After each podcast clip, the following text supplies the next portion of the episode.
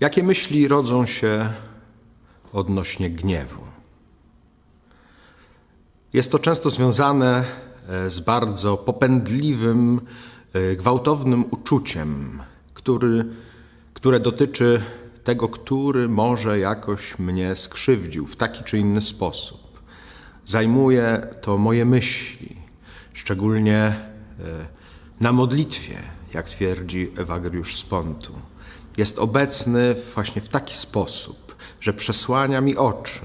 Nie umiem na nic innego patrzeć.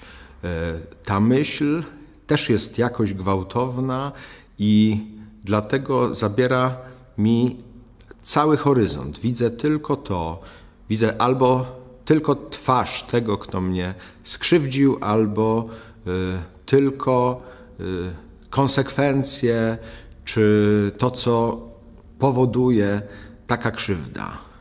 Potem już rozmyślam dalej. Y, czasami idzie to w stronę gniewu, zemsty, jakiegoś odwetu, a na pewno zajmuje nam wszelkie myśli. Nie ma swobody myślenia o Panu Bogu, nie ma swobody myślenia o woli Bożej, e, bo cały umysł jest zajęty e, tym myśleniem gniewliwym. Czy widzisz taką pokusę, takie myśli w sobie? E, nie prowadzi to do przebaczenia, do pojednania, ale rodzi zamęt w duszy i tracimy dystans, zimną krew i nie potrafimy myśleć o sobie, o drugim, o tym świecie we właściwej mierze. Czy widzisz to w sobie? Czy przegrywasz, czy zwyciężasz?